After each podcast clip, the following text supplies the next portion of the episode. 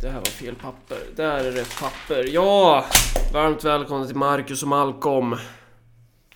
Eh, och så vidare. Och så vidare och så vidare. Denna otroligt, din, din boj i bukten, ditt jallarhorn i etern, etc, etc. Vad fan? Vad var jallarhorn för någonting? Inte det något man eh, väcker någonting med? Jo, Jallarhorn? jo, men precis. Du vet, jag, det där snodde jag från Heimdal radio. De brukar säga ditt jallarhorn i etern. Så Aha. jag tänkte att nu när vi har officiellt blivit gått med dark side sådär så kan man ta lite inspiration från andra kamrater i extremhögern. Ja, just det. Men du har ju fått lite skit nu av, av folk inom högern. Ja, att- just det. Jag, ja, jag förstod inte riktigt den där texten. Men vad, vad är hans poäng liksom? Han... eh, han socialism fungerar inte. Vad är det, vad är det han vill ha sagt? Nå- någon på SvD hon har typ varit vice vd på Kinnevik och typ ganska högt uppsatt i eh, Svenskt Näringsliv. Sa Ja. väl, alltså läste den här senaste artikeln som jag skrev i Fokus. Och mitt argument där var väl ungefär att Okej, det är väldigt enkelt att anklaga socialismen för att vara, ha en orealistisk människosyn. Men nu idag, när folk, när vi har de här terrorattackerna, så säger liberaler mer eller mindre att okej, vi måste vara beredda att stå upp för det öppna samhället. Vi kan inte låta terroristerna vinna. Vi måste leva som vi har gjort förut och inte hålla på och göra massor med ändringar. Och inte ha massor med polis med automatkarbiner och uh, allting sådant. Och det som man säger då är ju så här att vi måste ha ett par människor som är beredda att dö martyrdöden för liberalism ungefär. Och det är ju i praktiken vad det handlar om. Det stora problemet är väl så här att de flesta människor som säger så är ju inte beredda att dö martyrdöden för liberalism själv. Nej. Eh, typ ta Henrik Schyffert till exempel som säger var inte rädda Sverige. Och sen så sker den här jävla terrorattacken och han säger ja gud jag blir så himla rädd. Eh, och alla är ju sånt där. Alla typ, jag tycker att det är jättebra med mångfald men jag flyttar till det här segregerade området för jag tjänar 80 000 kronor i månaden. Eh, och mina barn kan ju inte gå i någon skola där det går massor med blattar liksom, så att de börjar lära sig tala svenska med arabisk brytning. Så hans poäng var då att... Eh, vadå? Alltså det är ju det som är så sjukt. Det enda som jag ville säga var ju typ. Jag tror att det här är ganska orealistiskt att, att förvänta sig när du sitter i din jävla vita enklav. Eh, att andra människor ska vara beredda att dö typ för det här systemet. De kommer säkert att säga vad fan, jag röstar på SD. Eh, och så skiter jag i liberala principer. Men han uppfattar det här som något så här försvar för att jag tyckte att vi borde ha en socialistisk diktatur som med järnnäve kan kväsa alla uppror typ. Alltså det är så intressant att det här är en sån... Det här är en människa med väldigt mycket makt. Eh, och här blir man ju... Det är ju väldigt fascinerande att den där människan har väldigt mycket makt. Om det nu är så att han har suttit på så hög position i svenskt näringsliv. Att, alltså, hur fan är det möjligt att vara så jävla dum i huvudet? Men, eh, men ja, hur som helst. I, idag ska vi prata om eh, eh engelska valet. Sen ska vi också prata om den här ja, nyheten då, då eh, som vi pratade om eh, innan det blev en nyhet då kanske. Det här med att Sverigedemokraterna går framåt bland invandrare. Mm. Eh, om vi börjar med engelska valet då. Ja, precis. Jag har ju eventuellt vunnit pengar. det, är typ det, det är typ det enda man, man säger i den här podden. Jag förlorade ju pengar på Le Pen, men jag, jag har eventuellt vunnit pengar nu på, på att de konservativa, förutsatt att det inte blir någon koalition nu, bara, alltså får vi en minoritetsregering för konservativa då, då har jag plockat in li, li, lite pengar. Det är bra. Nej, men, men det är ju inte det vi ska säga utan eh, om, om vi ska dra liksom hela den här jävla engelska valcirkusen så. Så det var ju ett extra val som gick av stapeln igår för nu är det fredag den 9 juni klockan 22.44. Eh, och eh, igår så gick ju då det här extra valet i Storbritannien av stapeln som eh, Theresa May, premiärministern, ut, utlyste för, eh, ja, vad var det, 6-7 veckor sedan typ. Eh, och det gjorde hon varför då? Ja, alltså det fanns väl säkert mer än en anledning här.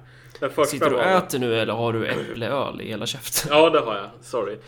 Ja, vi tar om det där. Det finns säkert... Det är väl fler än en anledning här egentligen. Den första var väl att, alltså fan vad Labour såg svaga ut. Mm. Alltså det var ju verkligen den, den accepted wisdom att du behövde bara ge dem en knuff och så skulle hela det där jävla partiet rasa samman mer eller mindre och inte vara en faktor i politiken igen på tio år. Mm. Och det skulle då ett extra val kunna hjälpt dem med då förutsatt att de här opinionsundersökningarna och allting sånt hade stämt. Exakt. Eh, så jag tror man såg chansen att trycka dit en rival. Men sen är det väl också så här att Brexit-förhandlingarna går inte så otroligt bra. Därför att man gick in i det här med helt orealistiska förhandlingar. Eller vad säger jag? Förhoppningar. eh, på vem som satt på alla korten. Och också hur mycket som britterna kunde kräva av européerna. Liksom. För det var verkligen så här. Européerna satt på alla korten och britterna kunde inte kräva mycket alls. Eh, och jag tror att för att stärka den egna förhandlingspositionen så ville man ha det här omvalet så att man skulle kunna gå in i det här med ett förnyat mandat och så vidare. Och typ kanske imponera på folket i Bryssel. Jag tror inte de är så imponerade idag dock. Ja, man, ville, man ville ha starkare backing he- hemifrån. Mer Ja. legitimitet, mer kraft bakom sådana ord då kanske. Precis. Så man kan summera det som att de ville stärka sin, eh, sin position överlag. Så det, Exakt. Det hade, man, man gjorde bedömningen att ett extraval skulle gynna de konservativa.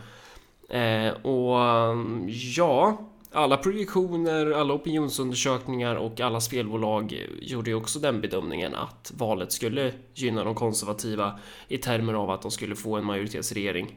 Eh, vissa opinionsundersökningar pekade på, jag tror att det var uppemot en 20% stöd för Theresa May. Eh, vissa låg runt 15. Eh, de här opinionsundersökningarna som hade 50 000 intervjupersoner istället för eh, 1000 eller 2000, de, de låg lite, där hade Theresa May lägre stöd och oftast typ 4% försprång eller något sånt där. Corbyn ledde i en opinionsundersökning som jag har sett. En av samtliga. Eh, och sen så då så Ja, så kom ju resultatet och så visade det sig ju att eh, konservativa, de, de fick ju ingen majoritetsregering. Exakt. Eh, Snopet. jo, precis. De förlorade ganska många mandat. Och Labour, de vann inte, men de gjorde ett bättre val än vad många hade väntat. Och det finns väl egentligen två måttstockar man kan använda här. Dels så kan man jämföra det här valresultatet med hur det gick innan Corbyn tillträdde. Och då gick det bättre. Eh, alltså det gick bättre för Corbyn än vad det gjorde för Miliband förra gången. Eller så kan man jämföra med eh, de här projektionerna som var Labour slutar att existera ungefär. Och då gick det ju onekligen bra om man tänker att eh, utgångsläget var att Labour skulle sluta existera det här valet. Men som sagt, de vann inte. De fick väl en 260-ish platser av en tre- 650 totalt. Ja. Eh, och... ehm, vad heter det nu? Tories fick väl en 300... 312 eller något sånt där tror jag. Ja, något i 300. den. Det, det, Nej, jag tror de fick 316 för då- då kan de få stöd av de här Democratic Unionist Party. Okej. Fan vad jag mumlade. Det- DUP från Nordirland. precis. Men det är i alla fall i, i, i de svängarna Mm. som vi, vi talar. Typ 312, 316 någonting sådant. Jag har inte siffrorna framför mig just nu. Och det är ju så jävla typiskt oss att vi aldrig är exakta med siffror, men det är skitsamma. Det är inte... Vem bryr sig? Eh, Jag kan skylla, jag kan skylla på att jag har den här utsökta äppelölen som jag sitter och dricker. Att, det, vi borde fan se till så vi blir sponsrade av dem. Det, det där är en produkt som man verkligen skulle kunna eh, få människor... Shit! Vi borde bli sponsrade av Bet365 ju. Det är ju där jag... Be, det, jag måste fan höra av mig till dem ja, och se om jag vi kan höra av mig till Lindeman och höra Ja. om de vill sponsra mig. Om, om ni har någon produkt där ute som, eh, som kan resultera i att vi att vi kan få det här som ett jävla eh, heltidsjobb. Alltså Då- jag, jag skiter i det, bara för att sitta här och dricka min jävla Lindemans Apple så här. Ja, och, jag och in. kunna... Ja, jo. Ja, du menar att du får gratis öl då? Ja, ja, jo men precis. Du vet, jag är inte svår.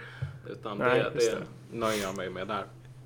Återgå till ämnet nu innan vi totalt tappar bort oss. Resultatet var vi på. Ehm, ja, jo, och det, ja, men då har vi ju summerat hela skiten i princip. Att eh, så här, det här trodde man och så här blev det. Eh, och det finns ju två lärdomar man kan dra utifrån det här va. Varav det första handlar väl lite om det här mediala maskineriet. Och man ska ju komma ihåg då att i Storbritannien så finns det ju den här Rupert Murdoch och liksom, alltså deras tidningar, de, de spelar ju en helt annan klass när det gäller att smutskasta och, och vara jävliga än vad svenska ti- tidningar gör. Eh, och jag menar, inför det här valet så hade man ju mobiliserat hela det här mediala mas- maskineriet till förmån för Theresa May. Eh, och um, alla liksom höll på och bara så här sågade den här Corbyn i fotknölarna.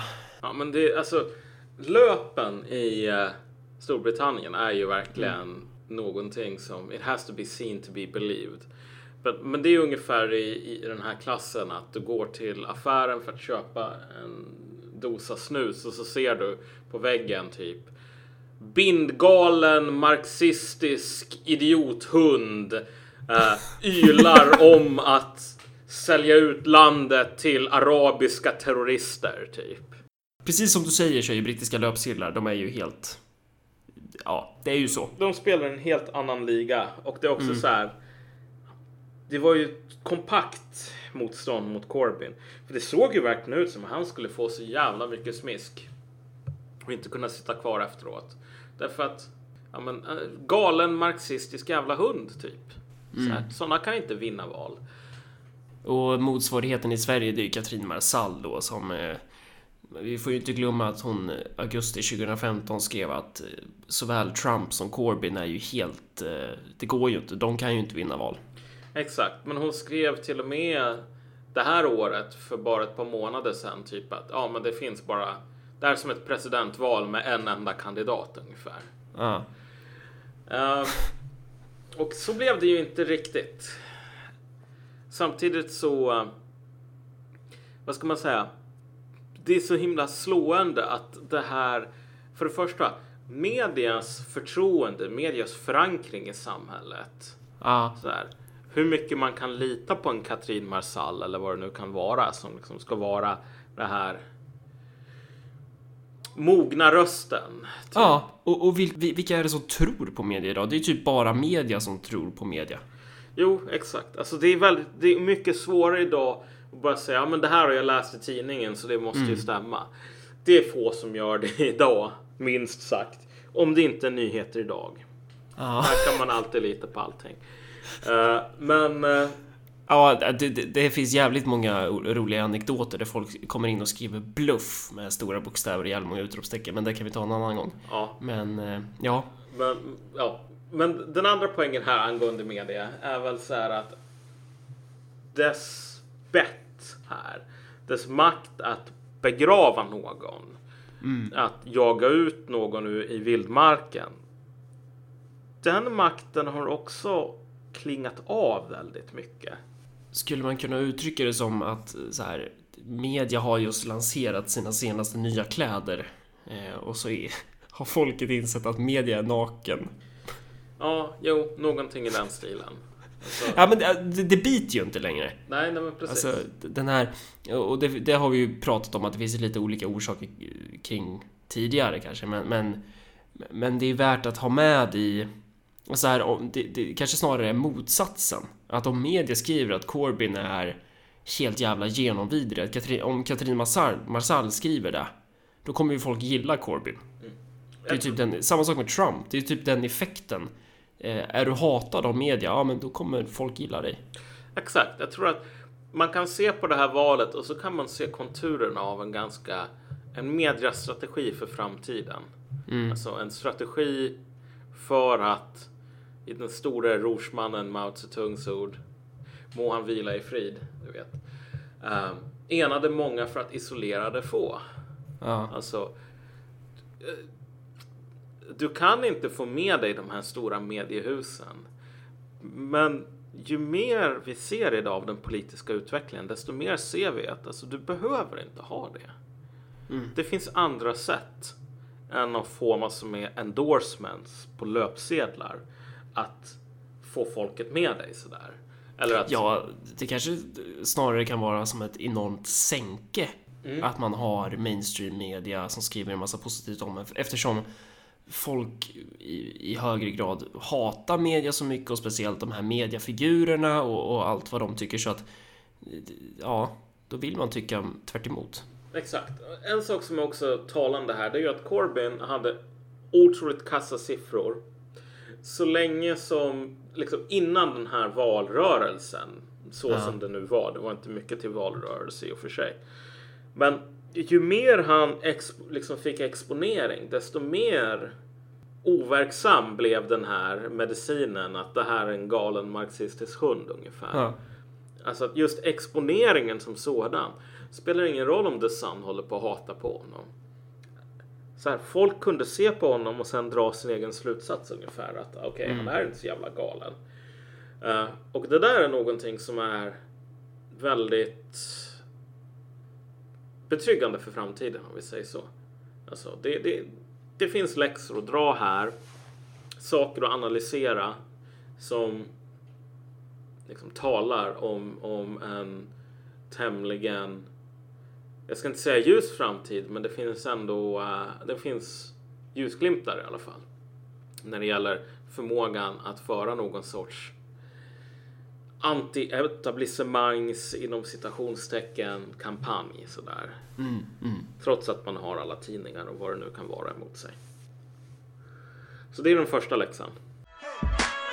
I study Mao Zedong's tongue, the young gun, lock, load and bust one, champion with it like pum pum. Lebanon gorillas hit a Avon from 10 yards with little pebbles. I call it strength and all. Ja, och den andra läxan då, det är väl eh, alltså i media av vissa mediala prominenta kulturskribenter. Vad fan ska jag säga? Göran Greider och Åsa Linderborg typ. Vad är det vi, vilka, vilka fler exempel har vi? Vi har olika vänsterskribenter som har kallat Corbyns resultat för en seger. Ja, och jag menar det är ju, jag ställer mig ganska tveksam till det där. För om du tänker dig, nu, nu är ju Corbyn någon form av vänstersosse. Det har funnits mer radikala vänstersossar i europeisk politik de senaste 40 åren. Typ. Ja, herregud. Eh, men låt gå liksom. Jag har ingenting otalt med Corbyn direkt så. Men för fem år sedan, då, då, då räknades det som en stor seger för vänster, demokratiska socialister, sossar, när sossar vann en seger typ. Mm. Ta Syriza till exempel. Idag så räknas det som en stor seger när man inte blir utplånad ungefär. När det går bättre än prognoserna som förutspådde total katastrof typ. Jag menar Corbyn vann, han var ju inte ens i närheten av att vinna egentligen. Men han gjorde, han förlorade bättre än hans direkta föregångare. Så att standarden för vad man är beredd att acceptera för att man ska börja tala om så här vänstervindar och liksom nu vänder och så vidare. De har ju verkligen sjunkit typ. Alltså, men det är också så här. Den frågan som man måste ställa sig och det här är det som jag tror en bekant till mig sa så här att ja men typ ta Corbyn. Jämför honom med François Mitterrand. Ja. Så här, Corbyn till skillnad från Mitterrand är inte en så himla rutinerad politiker. Han har suttit, jag menar han har varit med, han har varit en MP, en member of parliament väldigt länge. Men han har ju aldrig varit liksom inne i partimaskineriet. Utan bara varit en skäggig outsider som, som ingen i, i riksdagsgruppen riktigt gillar. Han har varit en sån här finsare. Ja, just det. Så, så, så, du vet en sån som bara sitter med i ett sällskap och så har man inte märkt den personen fast personen har suttit där i sex timmar. Alltså, den har bara varit där och funnits typ. Men precis. Så dels det. Corbyn är inte så jävla rutinerad politiker. han är inte någon som vet hur maskinen funkar och hur man manipulerar maskinen. Han har ett partiprogram som i och för sig är radikalt jämfört med samtidens mått mätt. Men Mitterrands partiprogram var mycket mer radikalt än vad Corbyns var. Um, och Mitterrand hade inte samma problem som Corbyn. Corbyn har ett parti som är i ett lågintensivt inbördeskrig. Han har varit med om flera kuppförsök Mm. och nu det- liksom, det finns diskussioner lite av och till. De kommer upp och sen så försvinner de ett litet tag och så kommer de upp igen. Om att helt enkelt splittra partiet. Mm. Och i den sortens valsystem som du har i England med alltså valkretsar där du har first past the post. Mm. Det vill säga att den som den, den kandidaten i varje valkrets som får flest röster är den som plockar. Ja, man vinner, den Mandatet. vinner och sen så slänger man alla andra röster i soptunnan. Liksom. Eh, I ett sådant läge så är en sån här splittring, även om det är jävla sopor som Tony Blairs liksom jävla groupies som finns kvar i partiet idag. Alltså det kan orsaka otroligt stor skada. Så att okej, Corbyn, han sitter inte säkert i sitt eget bo. Uh, och hans land är mitt i Brexit. Där man sålde in Brexit med så här, allting kommer att bli bättre. Och nu ser man att nej, det finns jävligt många saker som ingen tänkte på kan bli sämre. Som kommer att bli sämre. Och Mitterrand, trots att han hade alla de här fördelarna, han la sig jävligt snabbt. Han kunde inte driva igenom den här... Fan, på den tiden när Mitterrand vann, då kunde man verkligen tala om en jävla vänstervåg. Liksom. Gryning för vänstern, hit, hit och dit typ. Och det är så här, han kapitulerade på ett par månader ungefär. Så att vad har vi egentligen för skäl för att säga att jo men Corbyn, du vet, det kommer att bli så himla annorlunda. Det finns inga sådana skäl. Det finns tusen skäl att säga att Corbyn har ingen jävla chans jämfört med Mitterrand. Det finns noll skäl att säga att Corbyn kommer att göra ett bättre jobb än Mitterrand. Poängen här är inte bara att säga så här, ja men typ allting suger, glaset är halvtomt snarare än halvfullt. Utan bara att det är väldigt enkelt också att göra det här misstaget att man tänker att okej, nu Tories, de har förlorat sin majoritet. Mm. Och det är på grund av att Corbyn fanns där och alla bara insåg åh, Corbyn, åternationaliserad järnväg. Det här får mig att kissa på mig liksom, av, av lycka.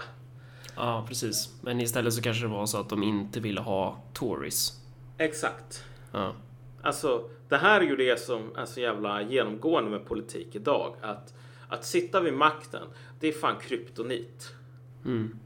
Därför att, ja, du drog en liknelse innan vi började snacka Ja, men- det här med. Typ om man råkar limma fast någonting, vad ska vi ta? Vad limmar man fast? Man limmar fast en, en Wa- Warhammer-dvärg, limmar du fast på fingret och så ska du dra bort den här tennfiguren liksom. Och så följer det med jävligt mycket kött. Ja, det, det känns... Fan, det här var inte... Fan vilken jävla obskyr liknelse. Jag blir provocerad här. Har du inte gjort det? Har du inte gjort det? Nej, jag tror inte många som har limmat fast en jävla Warhammer-figur. Det är ju inte kött som följer med, det är ju skinn då. Men... Ah, vi, vi kan ta en så att normisarna förstår. Tänk dig istället att du har någon jävla frystejp liksom. Som du av någon idiotisk anledning bestämmer dig för att ha på armen typ. Så då har du ett stort lager frystejp liksom så att det ser ut som en jävla mumie. Och sen ska du ta bort den här frystejpen. Och så har du tänkt att, vet du vad? Det är jävligt nödvändigt att få bort den här frystejpen. Det är liksom en, en, eh, en utmaning, men det här kommer att göra det bättre. Ja. Så här, den personen, om det är du eller om det är någon annan, som står där och så ska rycka bort den här frystejpen kommer att orsaka jävligt mycket smärta. Och det kommer inte, du kommer liksom, det kommer inte vara en populär funktion att riva bort den där tejpen oavsett om det är nödvändigt eller inte. Vi, vi har fått kritik för att vi har för att vi snör in oss i våra Ja, ja, ja, ja men, men, men, men hur som helst, om du sitter på toppen idag, om du ska försöka administrera Brexit till exempel. Så här, det kommer att bli jävligt mycket ord och jävligt få visor. Ehm, Speciellt när folk är jävligt oärliga eller naiva om liksom vad en sån där sak ska innebära Mm. innan man går in på den. Vilket kommer att betyda att det kommer alltid att finnas den här gräset är grönare på andra sidan, släng ut de här soporna typ. Men likt förbannat så kan du ju inte ha en Warhammer-dvärg fastlimmad på Nej. pekfingret. Det går ju inte, man måste ju ta bort den. Så det är så här, Brexit är ju en nödvändig process. Men, men det är en jävligt jobbig process, det kommer göra väldigt ont. Mm. Och man vill fan inte sitta på Svarte Petter alltså. Ja, jag kan ta ett, ett annat exempel här. eh, Mm. Som är mer relevant för vår svenska situation. Jag menar, ta det här med flyktingkrisen till exempel. Ja. Så här, nu hade vi den här jättefina euforiska Globengalan, hela Sverige skramlar där hö, högste pastor Rosling står med liksom Där hela District 1 Ja. skramlade. Jo men precis. Alltså det här var ju en jävla svensk tappning av en sån här amerikansk megakyrka ungefär. Ja. Med folk med faith healing och liksom talar i tungor och allting sådant. Okej, vi, hade, vi hade den jättefina euforiska upplevelsen och sen så inser man att shit det här kostar pengar. Och att det kräver massor med personal. Och personal kan man inte bara säga så här, ja men vet du vad, jag har 100 000 kronor här odla fram en ny socialsekreterare i någon jävla klonlabb liksom. Det, går, det funkar inte riktigt så. Så nu håller vi på att upptäcka att det är jävligt mycket problem. En del kommuner kommer gå i konkurs. Vi kommer att ha massor med så här speciallagstiftning antagligen så att flyktingar inte ska få socialbidrag. Eh, därför att annars så kommer socialtjänsten att gå i konkurs också. Eh, kan du tänka dig, vi säger så här, kamrat Corbyn åker över till Sverige och säger nu jävlar, nu ska vi, nu ska det bli åka av här. Och vinner typ en 30 procent av väljarna. Kan du tänka dig sen kamrat Corbyn ska hålla på och administrera de här speciallagarna, dra in socialbidrag för folk som har utländska efternamn? Därför att det funkar inte du kommer hit och sen så får du socialbidrag efter två år. Utan nu får du fan vänta tio år. Så här, det kommer att vara en vardag och det kommer inte vara en rolig vardag. Det kommer att vara en vardag som kommer att desillusionera typ tusentals eller tiotusentals eller hundratusentals människor. Och som bara kommer att vara så här. Du betalar mer i skatt och du får mindre ut för det liksom. Eh, allting blir sämre. Och sen är det kamrat Corbyn som säger nu jävlar, nu har jag gjort det sämre för er. Och det kommer att bli ännu sämre. Gissningsvis så kommer kamrat Corbyn att förlora nästa val. Men det sämsta som om någon som AKB, om hon sitter kvar då, vilket är jävligt eh, icke liksom Ja. ja, det, jag tror inte hon kommer att vara kvar då. Men hennes efterträdare bara, vet du vad? Här har vi äntligen sett att nu blåser högervindarna. Nu har alla i Sverige insett att Moderaterna, det är det nya arbetarpartiet. Version 3.0. Visst, det kan vara så. I den framtiden som jag skisserat upp så kan det vara så att fyra miljoner av Sveriges befolkning liksom, har insett att Moderaterna är det nya arbetarpartiet 3.0. Fan vad vi är entusiastiska för dem. Eller så kan man bara vara bara jävligt så här bitter och sur och trött och tänka att fan gräset måste ju vara grönare på andra sidan. ja, precis. Man, man rustar inte för en kandidat, man rustar mot en annan. Ja, exakt. Så att när, när man säger att så här, åh, det är en seger för X. Så här, De här vill ha, det är skillnad på vi vill ha X än vi vill inte ha Y. Ja. Alltså, det är väldigt enkelt att överskatta Corbyns styrka idag tror jag. Ja, Så, i och för sig, nu har han vunnit på ett sådant sätt så att det är svårare för högerfalanger inom Labour att bara peta bort honom. Men det här är människor som är jävligt skrupellösa och som har mer eller mindre oändligt med pengar på sin sida. De har inga problem alls med att starta ett utbrytarparti vars enda funktion är att se till så att Corbyn inte kan vinna. För, och anledningen till att jag säger det här är för att det redan har hänt en gång. men, men frågan är ju... Jag vet inte om jag är så jävla säker på hur, hur det skulle gå för honom om, om de bröt. Jag, jag tänker mig att han ändå skulle kunna klamra sig för, alltså så här. Ja, Ja. han skulle kunna klamra sig fast, men jag tror att valresultatet, alltså möjligheten att vinna en del valkretsar skulle gå förlorade. Typ. Ja, jo definitivt så är det ju. Och som sagt, det här har redan hänt en gång. Alltså, Labour har redan splittrats en gång. Ehm, och det var ju fan samma människor som gjorde det och de hade ju inte mindre eller mer skrupler då, utan det är ju liksom samma skrot och korn. Så att, okej, jag tror inte att han är så himla stark inom sitt eget parti. Och det är också så här, hans stöd. Det är en sak att ha massor med människor som säger Fan kamrat Corbyn. Liksom, jag, jag röstar på dig, jag backar dig. Men så här, när du hamnar i en maktposition och ska administrera, när du ska ta svarta Petter i din jävla hand och typ låtsas som att det här är en bra grej. Reglerna ser helt annorlunda ut. Ehm, det, det är en helt annorlunda sak att hålla på och diskutera. ehm, så här vill vi att landet ser ut. Och sen sitta i en maktställning där det enda du har att göra det är att välja mellan typ tio olika val. Där varje val är tusen gånger sämre än alla andra val på något plan. Ehm, där det inte finns ett enda bra val. Det blir man inte populär av. Det blir man inte, alltså det krävs förmågor som det inte direkt tydligt att Labour eller den europeiska vänstern har. Ja, Och de europeiska vänstersossarna liksom. Ehm, det krävs en fostran till närkinsk mentalitet. Där man bara Precis. helt enkelt erkänner att allt är skit ändå. Ja. ja, precis. Det behövs ett par gnällbältan. Ja, ja jävlar.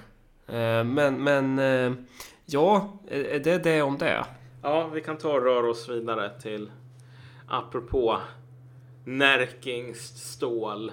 Ja, apropå Nerikes då. Vad, vad menar du nu? Nu ska vi prata om SD ju. Just det, precis. Ja, det är väl inte så många därifrån som är från Närke i och för sig. Det finns väl en annan, en Kronlid är väl härifrån om hon är kvar. Men eh, vad tänkte jag? Ja, vad är det vi ska prata om då? Det är ju, ja just det, att de har, det har gått framåt med bland invandrare. Ja.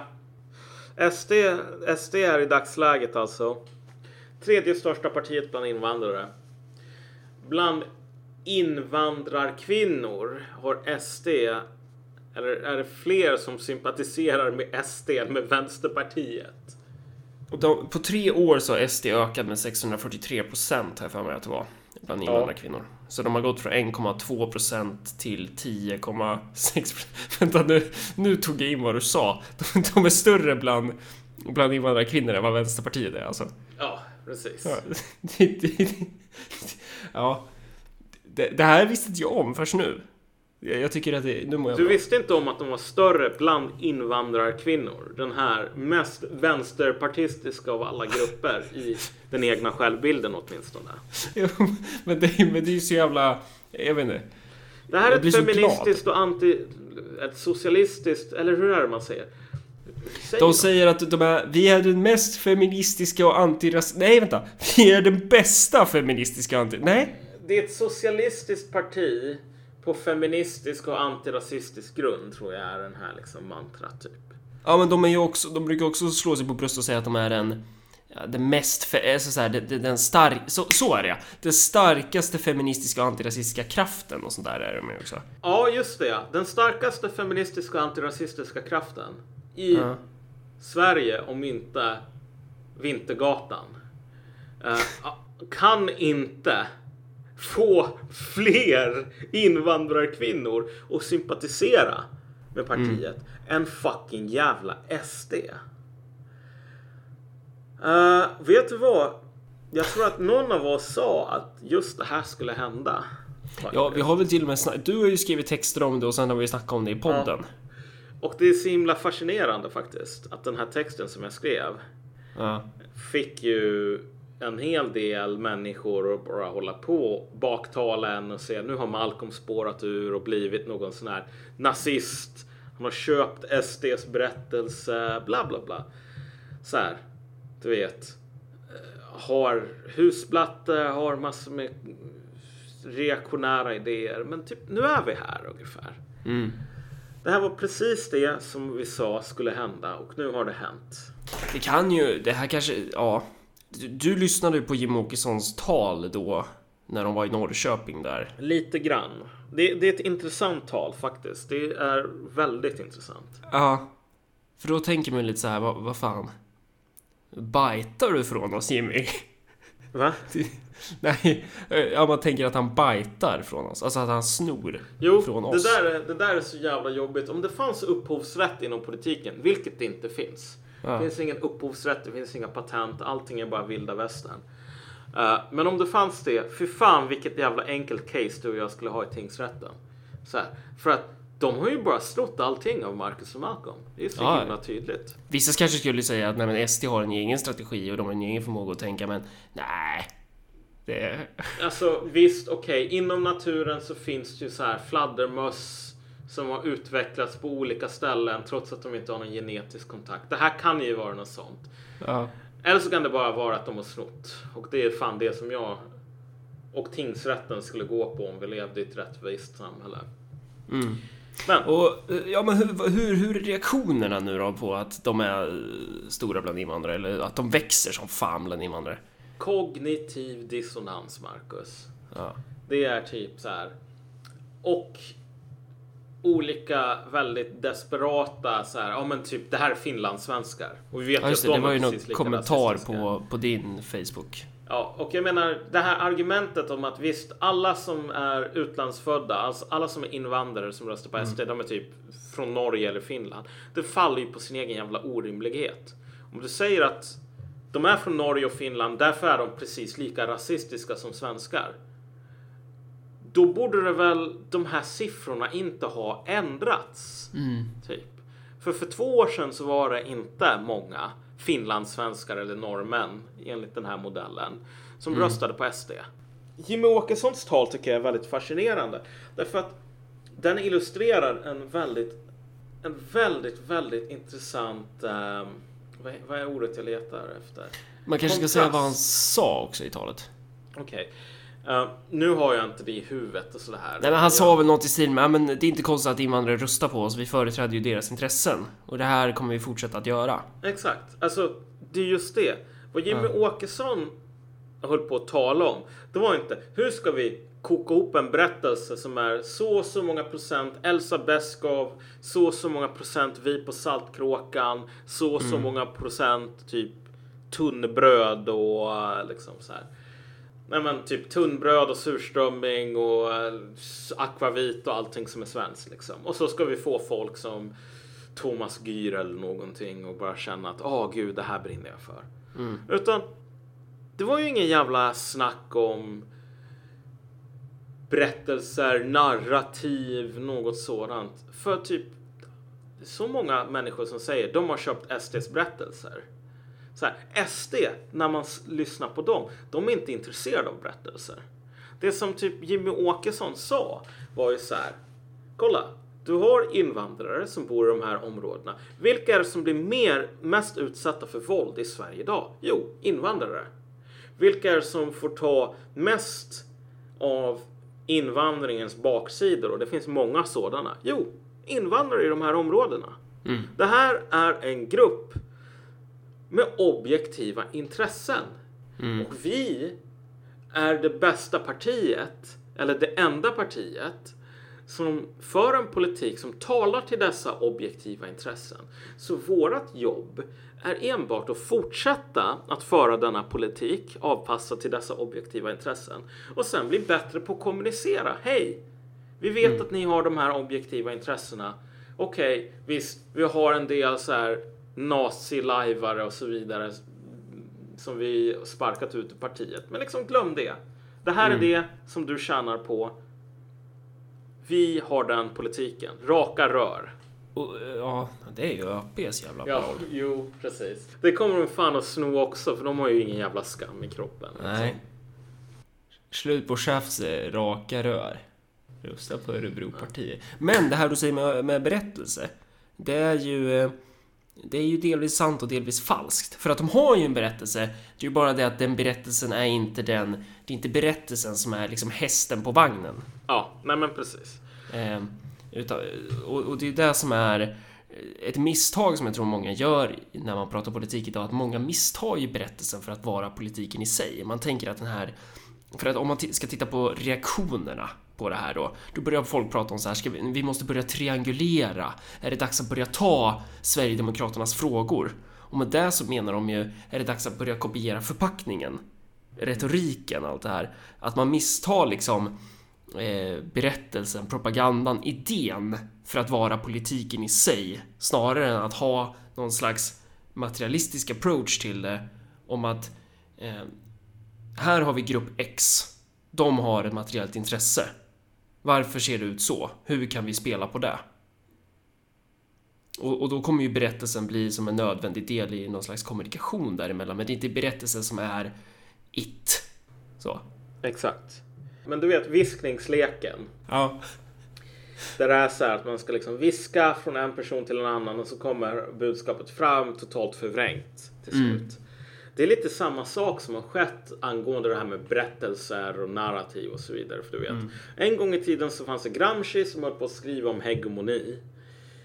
Och sen så kom det en del så här nazister och uh, nationalister och så vidare som bara åh oh, shit Gramsci är ganska bra. Nu ska vi hålla på och arbeta vidare på det här och göra det sämre med metapolitik. Ja. Och idag så har du vänsterns ideologer. Ni ser inte det, men jag gör såna här air quotes när jag säger det liksom. Vänsterns ideologer som bara säger åh vet du vad det är så jävla viktigt. Vi måste ta tillbaks metapolitiken från högern typ. Och det här är ju någon sån här avancerad form av inavel. Mm. Där, du vet, en sak kokas ned och sen så kokas den ned och sen så kokas den ned. Och sen så har du de här människorna idag som bara säger Fan vad smart. Berättelser, narrativ, meta. Det är sånt som det handlar om. Det är bara mm. nej. Typ, det, det är inte det som är det viktiga faktiskt. Och det är det som då är så här det här är ju inte Sverigedemokraternas frågor egentligen, utan det här är ju frågor som Sverigedemokraterna har tagit vara på. Så. Exakt. Det är en jävla skillnad. Det är liksom ingenting som säger att det bara är SD som kan analysera eh, materiella intressen i samhället och faktiskt spela på det. Ja, Ann-Charlotte Alstad som också är någon form av paria, typ. Ja. Jag har ju börjat göra samma sak som henne nu liksom sent om sidor. Samma sak som dig, du vet. Jag är fan inte vänster, jag är kommunist. Ja. Uh, men, kallar hon sig kommunist? Hon kallar sig socialist, men hon kallar ja. sig inte vänster och säger att hon inte vill göra det i alla fall. Nej, okay. Uh, så det finns lite hopp för henne i alla fall. Men det finns lite hopp för mig också. Men hur som helst. Um, dit jag ville komma när jag nämnde henne var bara att hon skrev, skrev ju en sån här väldigt kritisk recension av den här boken Homonationalism i Aftonbladet tror jag det var. Ja. Och så tog hon ju upp det här med att det som är så fascinerande med boken Homonationalism det är att den hela tiden beskriver saker som om de vore en berättelse typ. Mm. Eller att människor är de här hjärnorna i någon sorts behållare som bara kan påverkas av typ hjärnvågor. Vi kanske eventuellt måste förklara vad liksom hela den här snacket med homonationalism är ja. också. Ja, och det, det, det, är typ vänsterns skällsord på bögar som röstar på partier som SD, eller? Ja, och Front National och så vidare. Ja. Och typ Ann-Charlotte Alstads kritik var ju så här att i den här boken så tar hon till exempel upp att väldigt många homosexuella i Nederländerna mm. Har fallit för den här berättelsen där människor från andra delar av världen, främst muslimer, är väldigt så här uh, negativt inställda till bögar. Mm. Okej. Okay. Homosexuella i Nederländerna, de har köpt den berättelsen. Mm. Och typ Ann-Charlotte Alstad påpekar ju då att du vet, ingenstans i den här boken så står det att om du går och kollar på statistiken så är det ju helt sant. Mm. Marockaner är till exempel grovt, grovt överrepresenterade när det gäller typ hatbrott mot homosexuella. Också hatbrott mot judar. Mm. Um, och typ, vad då köpt berättelsen? Det är ja. ungefär som du skulle sitta inne i någon jävla styrelserum på typ Philip Morris och säga Tyvärr har befolkningen där ute köpt den här berättelsen om att rökning kan leda till lungcancer. Ja, precis. Att man tänker att, att problem är liksom i våra huvuden. Ja. Det är ju idealism one-on-one det här egentligen. Exakt, exakt. Och det är just det, så här, fakta för den här sortens författare som skrev homonationalism. Också liksom för alla de här vänstermupparna på ETC och så vidare. Det är någonting som man inte kan lita på människor och ha. Liksom. Det ska bara vara typ en, en, en invigd cirkel av någon sån här Twitterkrigare ungefär som ska få kolla på statistik och dra någon sorts sådana slutsatser. För det här med objektiv verklighet, det är ett lite för farligt verktyg för att lämna till vanliga jävla knegare typ. Så att man ska skydda befolkningen från skadliga fakta och sen ska man mata dem med berättelser. Så att för den här författaren till homonationalism, liksom, vad blir motdraget här? Motdraget blir inte att se till liksom göra någonting så att marockaner inte längre är överrepresenterade. Motdraget blir att komma med någon ny berättelse som ska utmana den här gamla berättelsen. Ah. Men det funkar ju inte så. Nej men verkligen. Man skulle kunna jämföra här. Det här nu är vi inne på basöverbyggnad igen liksom. Men alltså, de här, allt det här är ju en förlängning av någonting materiellt. Om man skulle kunna ta en Photoshop-liknelse. De här personerna som bara tror att det handlar om att förändra berättelsen. Det är som att du markerar ett lager i en ganska så komplex bild typ. Och så markerar du det här lagret och så ändrar du bara det lagret och så förväntar du dig att du förväntar dig att hela bilden ska förändras typ. Mm. Det här blir ganska jävligt, vi skiter i den här. Men Mm. Ja men alltså som, som sagt, man ser bara till den enda ytan, vilket är det här kommunikativa så här. Rökning är farligt. ja, Att det står något sånt på, på ett cigarettpaket. det kan inte vara så att rökning faktiskt är farligt, att det finns Ja. någonting. Det finns Och en att- anledning till att det har stått där på cigarettpaketet. Ja. Ja, Och så- att själva farligheten i sig. Folk som märker att typ, ja ah, shit, min mamma dog i lungcancer. Och hon rökte tre paket om dagen. Hmm, det här verkar ha ett sammanband. Jag vill inte dö i lungcancer så jag slutar röka. Alltså, folk är ju kapabla att resonera så. Mm.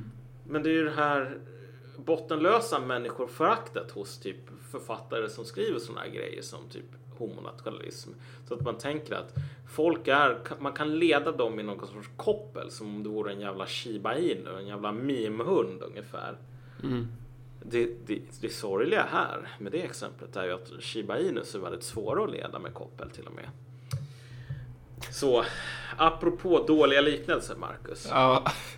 Men, men, men hur som helst. ehm, vad fan tänkte jag säga här? ja, men det viktiga poängen är ju så här. Berättelser är följden på någonting materiellt. Så. Ja. Berättelsen, det är ju berättelsen som är vagnen och hästen är ju det materiella. Alltså Exakt, att exakt. om det finns invandrare som har intressen av lägre invandring. Eh, då kommer de ju rösta därefter.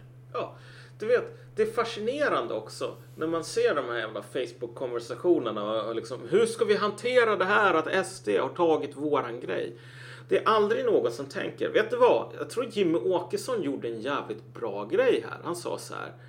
Vilka materiella, eller vilka klasser, vilka ekonomiska och sociala klasser finns det i samhället? Och vilka objektiva intressen har de?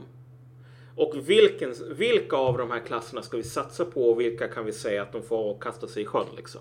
Typ, kanske borde man göra samma sak. Det är aldrig någon som säger så, typ. Kanske borde vi göra en förteckning över typ vilka olika intressen som finns och sen tänka så här. Vi kan ställa oss på den här sidan och då måste vi stå upp för de här intressena eller så kan vi ställa oss på den här sidan och då måste vi stå upp för andra. Alltså, I, i, igår... Eh, förlåt, du kanske skulle slutföra poängen? Ehm, jag kan göra det sen. Nej, men slutför poängen nu. Ja, okej. Nej, men alltså. Du vet, det- fascinerande idag är ju att SD och Jimmy Mm. är ju fan mer jävla leninister. Ja, det är dit typ jag ville komma. Ja. Ja, men fortsätt. Alltså i sitt agerande så är de ju det. Ja. Det är fan ingenting som jag säger med någon så här lycka eller liksom glad min. Men jag menar man får fan ge till djävulen vad som tillhör djävulen och ge till Caesar vad som tillhör Caesar. Så här. Det här är grundackordet om vi säger så. Det var det, det, var, det jag, igår, nu bryter jag in här, så, så skulle jag kolla på film. Men det, det gick inte. Jag blev väldigt arg. För datorn höll på att starta om sig hela tiden. Så då fick jag läsa Lenin istället. Eh, och och, det, det, det, man slås av är ju att det, det är ju... Alltså, när man ligger och läser Lenin och liksom så här idéerna kring hur man bygger ett parti och hur, hur det måste finnas, finnas växelverkan mellan klassintressen och parti och utan ett klassintresse, ja men då kan det inte finnas något parti och så vidare, då blir det bara en värdelös sekt. Eh, dit tankarna far är ju typ Sverigedemokraterna idag. Ja. Det man slås ju av att så här, vad fan?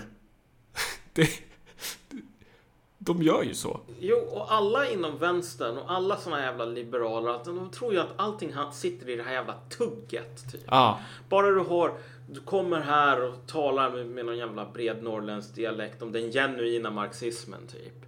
Då, då, har, du, då har du liksom fångat magin. Men det är inte alls så det funkar. Det, är så här, det grundläggande jävla ackordet här, det är att ställa sig frågan. Vilka grupper finns det och vad för intressen har de? Notera att jag säger dem. Jag säger inte vilka intressen har jag och hur ska jag övertyga andra om att de ska göra mina intressen till sina. Precis. Det funkar aldrig. Det enda du kan göra det är att ställa dig framför ett jävla upplopp och kalla det en parad som man säger i USA. Alltså. Du kan bara se var de här krafterna finns och sen rida på dem mer eller mindre. Men, men, men typ alla de här diskussionerna som jag har sett i liksom vänstersammanhang, det är bara typ så här. Okej, nu ska vi först diskutera. Vi, vad vill vi ha? Jag och mina jävla kompisar på Facebook. Ska det vara fri invandring? Ska det vara så här, begränsad invandring? Ska vi ha nationalstat? Ska vi inte ha nationalstat? Och sen när man har liksom navelskådat färdigt.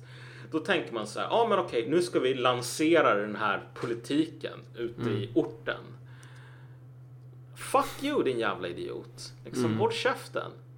Den enda frågan som man ska ställa här, det är typ vad är folk intresserade av? Vad, vad, hur ser deras materiella förutsättningar ut? Och liksom, vad för sorts beslut betingar det hos folk? För att ta ett riktigt sånt här jävla liksom extremt exempel bara för att illustrera principen här. Ja. Vilka har ett intresse i fri invandring?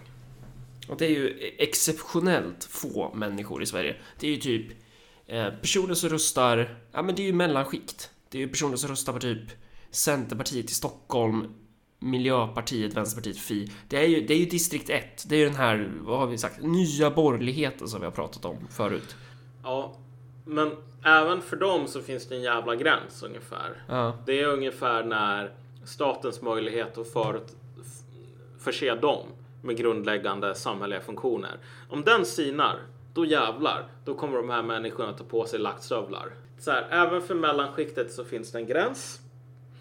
Eh, och sen typ när vi, när vi ska liksom räkna upp dem som har ett riktigt stort intresse i att Sverige har, eh, om inte öppna gränser, så en otroligt generös flyktinginvandring. Det finns fan 65 miljoner och minst sådana människor liksom, på flykt Ja, just runt om det. i världen. Ja, det, det är ju sant. De har ju faktiskt intresse av det. Ja. Det är Det, korrekt.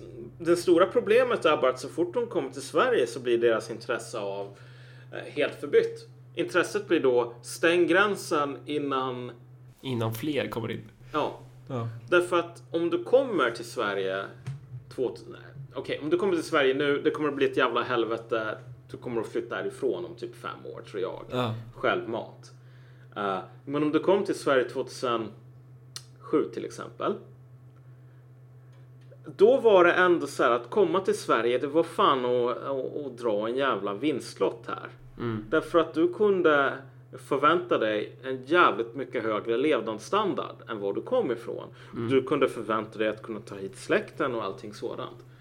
Eh, du behövde inte bo i någon jävla håla i marken som du hade grävt ut och käka någon så här halv kopp hisch om dagen. Problemet är bara att om det nu vore så att så här 65 miljoner människor, vil- vilka alla individuellt har ett intresse av att flytta till Sverige.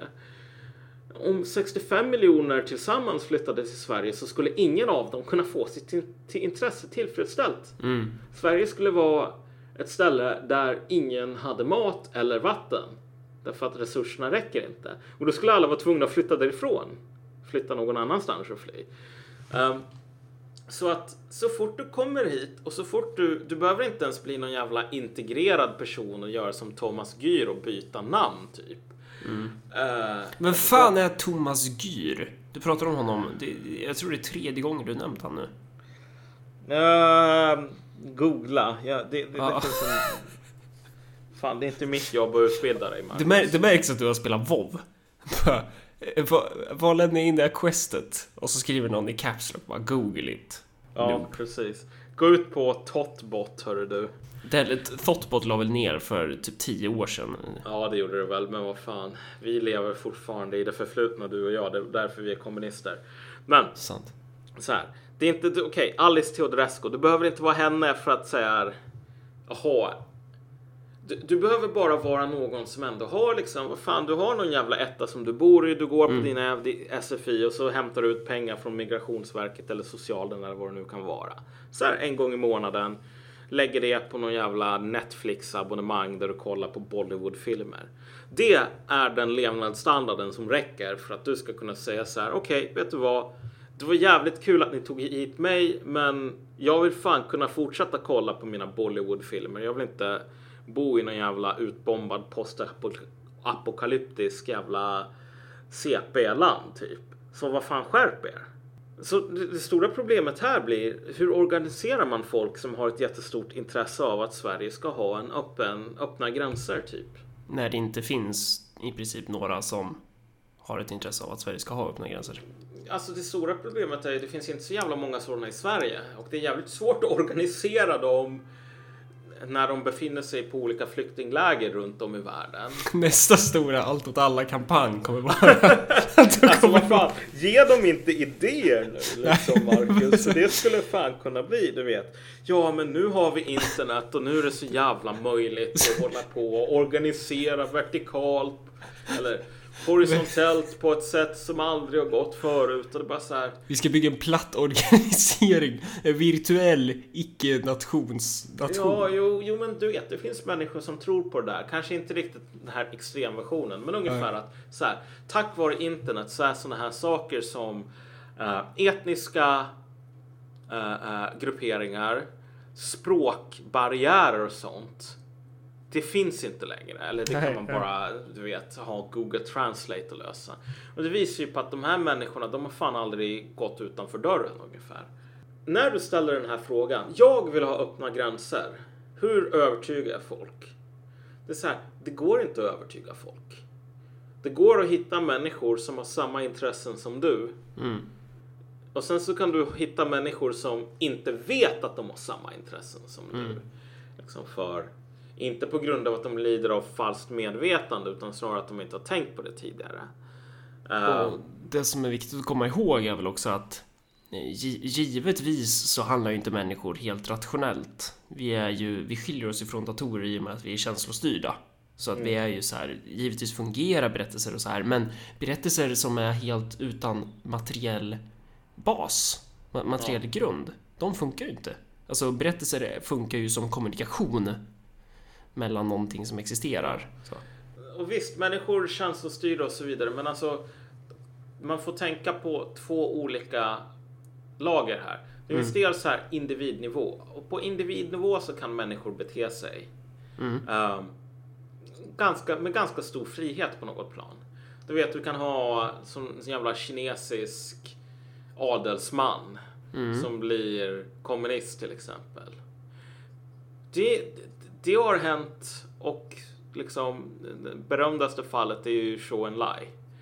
Men å andra sidan så tror jag inte att människans kapacitet att vara irrationell kommer att leda till en kommunistisk revolution där 100% av adeln är kommunister. Nej. Eller 89% eller något sånt. De kommer alltid att vara undantagen. Och, och då är det ju också en till grej som är värt att poängtera är att de materiella intressena för alltså en ökad invandringspolitik eller så här helt öppna gränser. De finns ju i princip inte i Sverige. Mm. Det är ju, det är ju värt att bara konstatera det här rakt Nej. upp och ner. Och då är man ju helt jävla dum i huvudet. Alltså det, det är det som jag blir så trött på. För vi får ju höra det här. Om vi har köpt eh, SDs berättelse eller alltså här att man, man, man är inne på det här att vi ska förändra i våra huvuden och då kommer, då kommer det finnas materiella intressen för fri invandring. Ja. Det, dit, vi vill, dit vi vill komma, det som är så himla viktigt att förstå är ju att så här, SD håller inte på och resonerar så som den här SDs berättelse, Nej. den, den uppställningen antar. Det vill säga att okej, vi, har, vi har någon sorts substanslös verklighet som är odeterminerbar. Mm. Och sen så har vi människor som med sin hjärna som skickar ut positiva eller negativa vågor för att forma den här verkligheten till, till sin egen avbild. Men så här, vad var det som Jimmy sa i sitt jävla tal? Lyssna på det så kanske ni lär er någonting om hur SD funkar.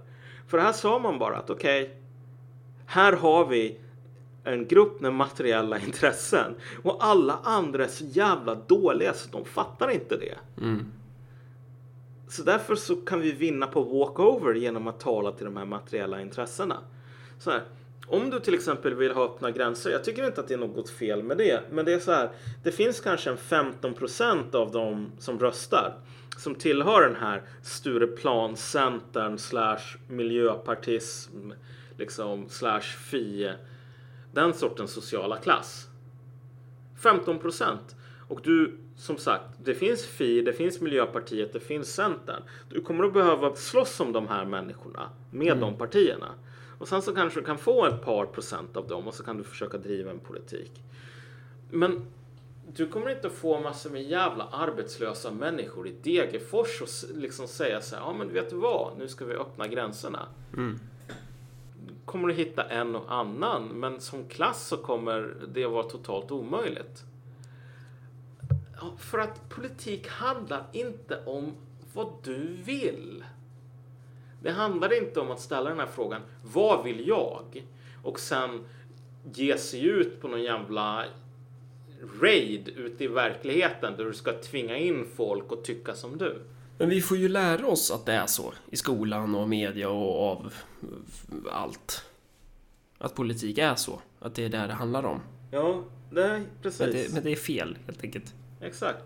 Det är så här, det är så jävla patetiskt på något plan att SD ska vara de som är på något plan leninister idag. Inte med den här jävla vi håller på och snackar om den sanna marxismen och typ dyrkar Trotskij och sånt. Allt den där jävla bullshiten. Utan bara i hur de beter sig. I alla fall de på toppen. Medan folk på andra sidan staketet håller på med detta jävla lingo om den genuina marxismen hit och dit och kallar sig själva marxist-leninister. Men så här, de förstår inte en sån här grundläggande sak. Att det enda du kan göra det är att rita upp en karta. Vilka grupper finns det? Vilka intressen har de? Och så får du välja en eller ett par grupper och säga så här. Deras sak är min. För att säga deras sak är min, det funkar inom politiken. Att säga min sak måste vara deras, det har aldrig någonsin funkat. Och det kommer aldrig någonsin att funka heller. Och om du då inser så här, eh, wow, shit, det som jag vill och det som eh, folkflertalet vill, det är två helt olika saker. Du behöver inte vara demokrat, typ. Ta ett jobb på Timbro. De har ju jävligt liksom kul med den här idén om att så här demokrati är inte så himla bra för att det finns massor med människor med dåliga åsikter så därför så måste vi begränsa demokratin. Liksom. Vad fan, så här, kör på det. Det finns en hel del inom vänstern som har gått den vägen redan och du kan ju fan hoppa på det tåget liksom. Ja. Men, men som sagt, typ, vad var det vi sa, Marcus? Ja, ja, jag sitter ju typ och sover. Men... Eh, Ja, så blir det när man lyssnar på Marcus och Malcolm. ja. det, det, jag har hört att vi ska vara en väldigt bra sömnpodd. Det är ju, Ja, det, det. det. är ju kanske sjukt bra. Det kanske gör att podden blir extra kraftfull propagandaverktyg. Att människor kommer höra oss i våra drömmar. Ja, Eh. jo, exakt. Det kanske vi borde ta med i våra beräkningar och bara så här uppmuntra till jävligt nice. Nej, nu vet inte jag ens vad jag håller på och pratar om. Eh, Men eh, ja, om vi ska summera det här eh, så eh, gällande, gällande SD eller gällande engelska valet? Gällande SD va? Ja. Mm. Ja, det man behöver göra är att hitta en, ett politiskt subjekt, identifiera det materiella intresset, ställa sig frågan varför det ser ut som det gör och sen bara spela efter det.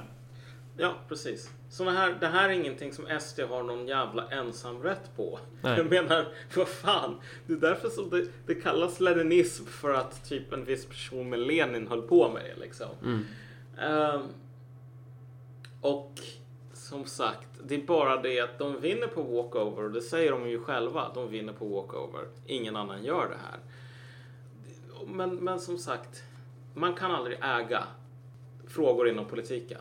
Därför att de enda som äger frågor, eller det är typ de här grupperna ute i samhället som säger det här är mina intressen. Typ. Mm. Och så kan du säga okej, din sak eller er sak är min sak. Och inte bara det här är mina intressen utan kanske Ja. snarare det här är eh, intressen utan att de, de behöver ju inte veta om det alla gånger. Nej, nej men precis. Men, men som sagt, folk är jävligt mycket smartare än väldigt många ideologer. Och nu Ja. gör jag såna här stora jävla air quotes igen. Ge dem credit för, typ. Det är inte, du behöver inte någon jävla på ETC som berättar för typ homosexuella att så här, det är bara en lögn att det är typ dåligt utanför i, eller att det är dåligt i så här rasifierade områden. Därför att så här, folk är inte dumma i huvudet. Man kan räkna ut sådana här saker själv. Genom sin levda erfarenhet. Um, det här har vi också snackat om tidigare, men det är det, det, det, det farligaste idag, det här liksom, det, det, det största ankaret kring halsen på folk, det är ju bara att man tänker så här. Man ser en snubbe från Kamerun som säger jag tänker fan rösta på SD för jag är så jävla trött på att det kommer en massa med jävla värdelösa äckliga somalier till det här landet. De är så jävla lata, de lever på bidrag. Bara, Men hallå, du är ju också afrikan! Mm. Det är bara, jag kommer från Kamerun. Det är fan inte samma grej liksom. Mm. Men man, man blir ju förvånad varje jävla gång.